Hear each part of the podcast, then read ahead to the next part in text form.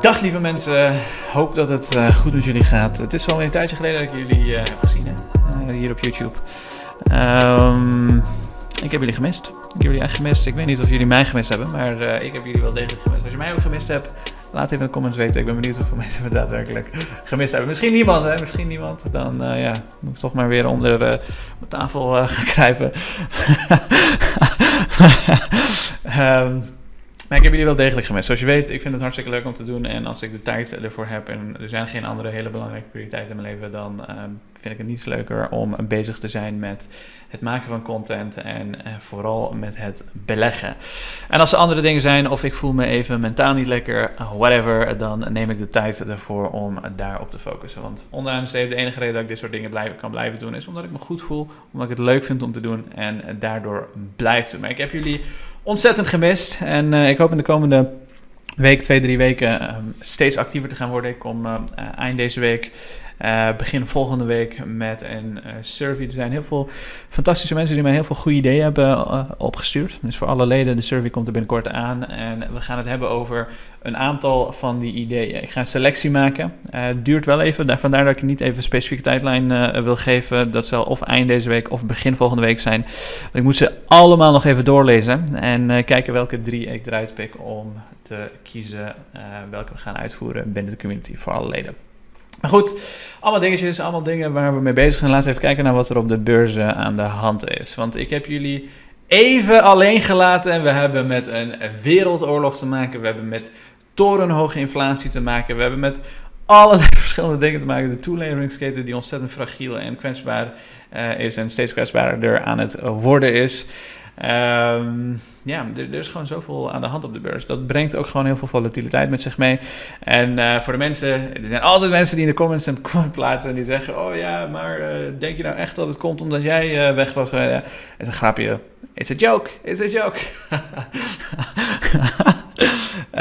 um, ja, laten we even kijken naar wat er allemaal aan de hand is op de beurs. We hebben natuurlijk te maken met die ontzettend vredeoorlog in uh, Oekraïne, waar uh, we eigenlijk een beetje afhankelijk zijn van onze grote vriend Poetin. Poetin die bepaalt op sommige dagen, sommige momenten wat er op de beurs aan de hand is. Hij is bepalend voor inflatie, omdat hij de energierekeningen in Europa in zijn handen heeft. En hij is bepalend voor de angst die er over het algemeen heerst. Ik weet niet of je het mee hebt gemaakt, maar een tijdje geleden was in het dreigen met nucleaire oorlog, nucleaire wapens. En als we dat soort dingen te horen krijgen, dan zullen heel veel beleggers schrikken.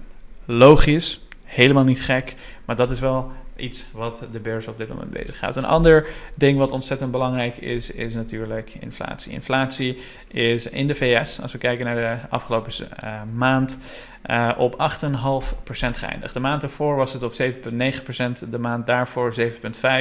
7, 6,8 enzovoorts enzovoorts. Dus die inflatie is torenhoog te noemen. Die inflatie is bijna net zo hoog als in 1980. In die tijd had je uh, beleidmakers die redelijk uh, gefaald hadden. Je had uh, ook een toeleveringsketen die wat issues had. En je had de Iraanse revolutie, waar de strenggelovige islamitische nou, extremisten, laten we het even zo zeggen, die namen het over van de destijds Shah, die ontzettend goede banden had met bijvoorbeeld de Fransen. En heel veel olie leverde aan zowel Europa als uh, de rest van, van de wereld. En door die islamitische revolutie zijn de energieprijzen, oftewel de olieprijzen, zo ontiegelijk hard gestegen dat we in die tijd jarenlange ontzettend pijnlijke en diep pijnlijke inflatie hadden. En je zou kunnen zeggen, er zijn een aantal vergelijkbare zaken, maar er zijn ook heel veel dingen die niet vergelijkbaar zijn. In 1980 gingen, ja, ik, ik, ik, denk net niet meer met een paard naar zijn werk, maar je begrijpt wat ik bedoel. Er is heel veel veranderd uh, in de tussentijd. um, maar het, is, het zijn geen vergelijkbare tijden. Het zijn niet dingen die je kunt vergelijken. Er zijn heel veel mensen die dat doen, maar dat is een foute vergelijking. Je zou kunnen zeggen een drogreden om dat, dat soort dingen te kunnen vergelijken.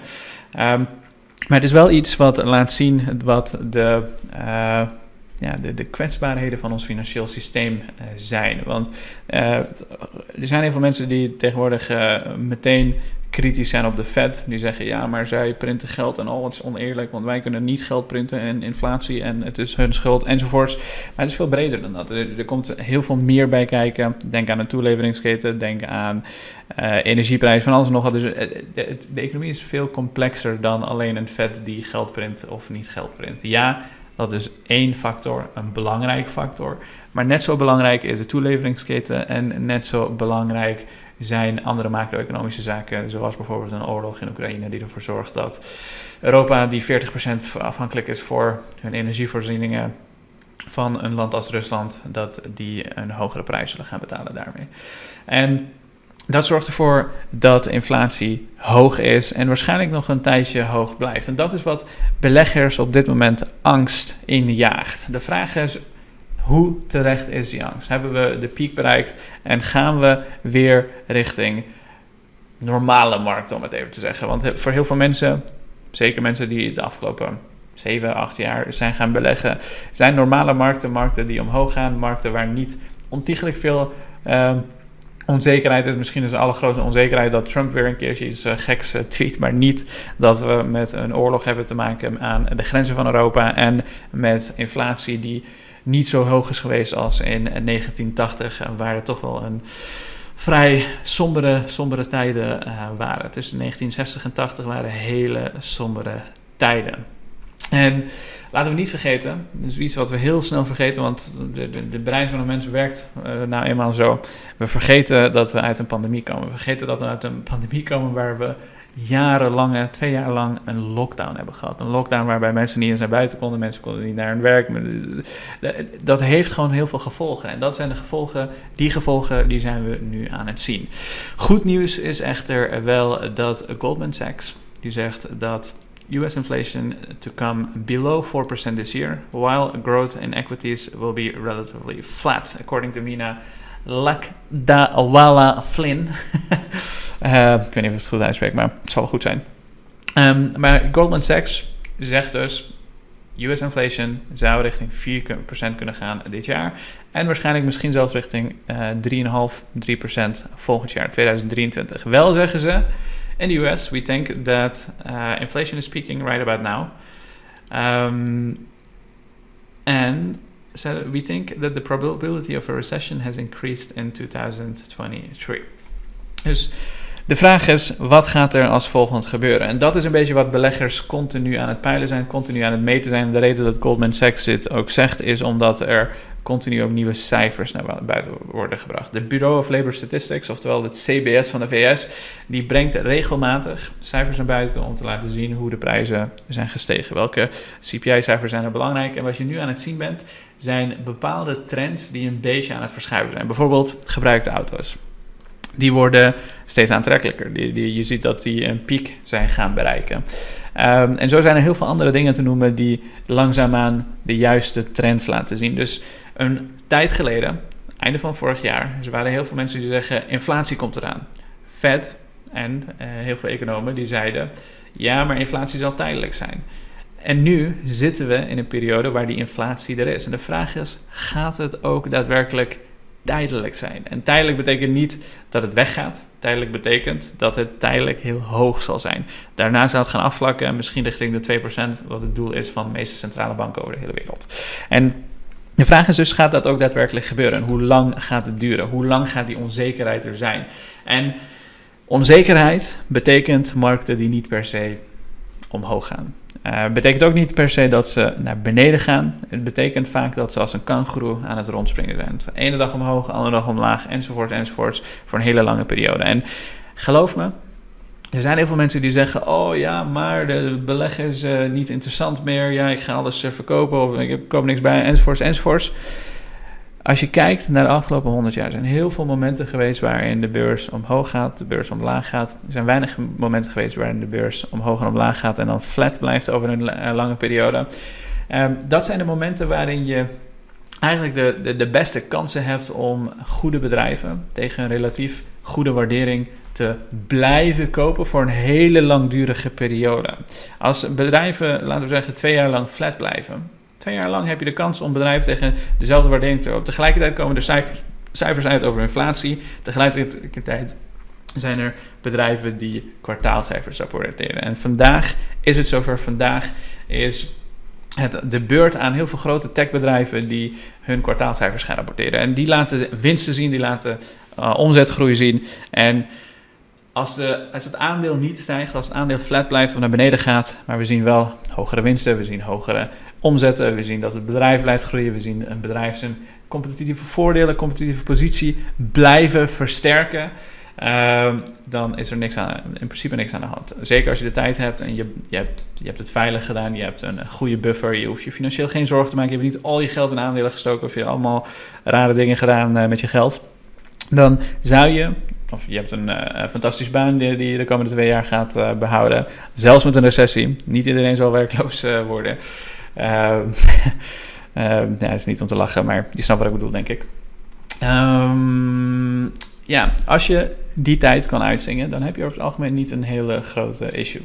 En kan je zelfs nog hele goede aandelen bij gaan kopen. En het is geen advies, maar dat is hoe ik er zelf persoonlijk over nadenk.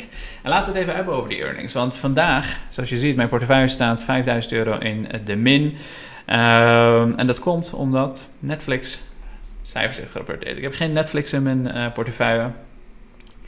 Maar Netflix haalt wel heel veel techbedrijven naar beneden. Want Netflix is een van de eerste grote techbedrijven die kwartaalcijfers rapporteert. En Netflix is ook een beetje waarnaar wordt gekeken als, uh, ja, als, als een van de grote techreuzen. Die zitten in de FAANG, F-A-N-G, F-A-A-N-G. En ja, Netflix is toch een bedrijf waar je van zou zeggen... het is ook een stay-at-home bedrijf geweest. Oftewel, de, een bedrijf die heel erg heeft geprofiteerd van de, het feit dat we allemaal binnen zaten in de pandemie. Dus de vraag is, waarom heeft Netflix het uh, zo slecht gedaan? Laten we even kijken naar wat er precies is gebeurd. 25% naar beneden gezakt. En het is het eerste, het is de eerste keer in meer dan 10 jaar dat Netflix daadwerkelijk um, uh, abonnees is verloren. Shares of Netflix, cratered. Uh, laten we even kijken reported a loss of 200.000 subscribers. Dus 200.000 subscribers verloren. Terwijl ze hadden verwacht dat ze 2,5 miljoen subscribers zouden erbij krijgen. Sterker nog, ze zeggen dat uh, ze volgend kwartaal, oftewel dit kwartaal, Q1, 2 miljoen uh, mensen, uh, of 2 miljoen abonnees kwijtraken. Dus voor volgend kwartaal, het tweede kwartaal. 2 miljoen abonnees kwijtraken dat zijn redelijk wat abonnees om kwijt te raken. Redelijk wat geld om kwijt te raken. Een gedeelte daarvan, 0,7, uh, of eh, terwijl 700.000 kwam uit uh, Rusland. En um, ja, verder zien ze gewoon heel veel competitie. Ze zien Disney een gedeelte van een business overnemen. Ze, die, ze zien uh, bedrijven zoals Hulu en uh, ja, noem ze maar op. Er zijn heel veel verschillende streamingpartijen tegenwoordig die hun, uh, ja, simpelweg hun, uh, hun concurrenten zijn geworden. Terwijl ze heel lang geleden Netflix. Ik zie ze niet. Siri. um, terwijl ze een tijd geleden eigenlijk een van de enige waren en uh, heel weinig concurrentie hadden. Nu zie je Roku, Spotify, Disney, heel veel verschillende bedrijven die met ze concurreren. Ik weet niet meer precies waarom Spotify hier uh, tussen staat. Maar goed, er zullen ongetwijfeld op een of andere manier misschien voor uh, abonneegeld of iets dergelijks met ze concurreren. Maar Spotify is natuurlijk audio vooral. En Netflix heeft niks met audio te maken. Anyways. Laten we even verder gaan.